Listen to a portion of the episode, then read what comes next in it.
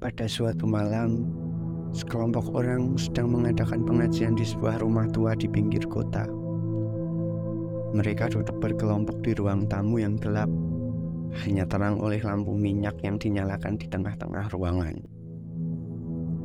Pembicaraan mereka tentang kebaikan dan keagungan Allah segera terganggu oleh suara aneh yang terdengar di luar rumah. Awalnya, mereka mengabaikannya menganggap itu hanya suara angin yang bertiup kencang di malam yang gelap. Namun, suara itu semakin keras dan semakin mendekat.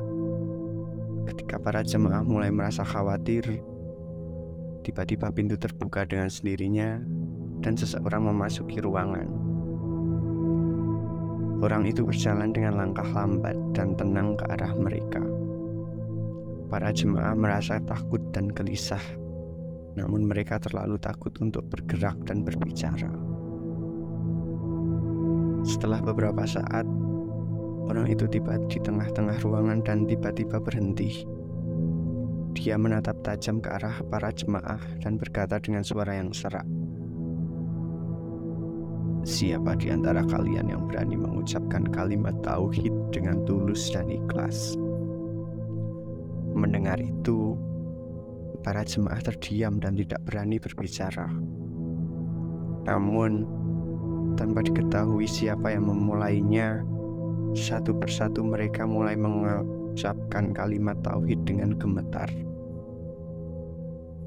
Setelah selesai, orang itu tiba-tiba menghilang dan pintu pun tertutup dengan sendirinya. Para jemaah merasa sangat terkejut dan ketakutan dan mereka cepat-cepat meninggalkan rumah itu. Hingga kini, cerita tentang pengajian yang berakhir mengerikan itu masih sering dibicarakan di kalangan warga sekitar. Beberapa orang mengatakan bahwa rumah itu dihantui oleh arwah yang tidak tenang, sedangkan yang lain berpendapat bahwa itu hanyalah kejadian yang tidak biasa yang sulit dijelaskan secara logis.